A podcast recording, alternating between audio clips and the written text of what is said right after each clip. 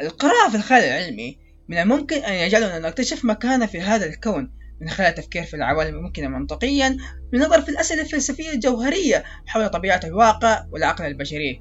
وأيضا الخيال العلمي هو النوع الوحيد تقريبا الذي يصور لنا كيف يمكن للمجتمع أن يعمل بشكل مختلف ودراسة طرق للعمل من أجله. كما أن هذا النوع يحفز أشخاص يصبحوا علماء ومخترعين.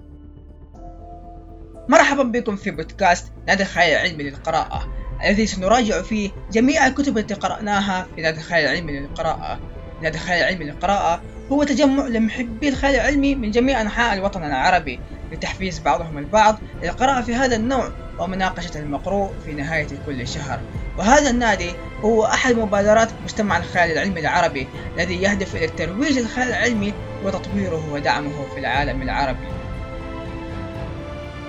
وانتظرونا مع أول حلقات. لا تذهبوا بعيدا.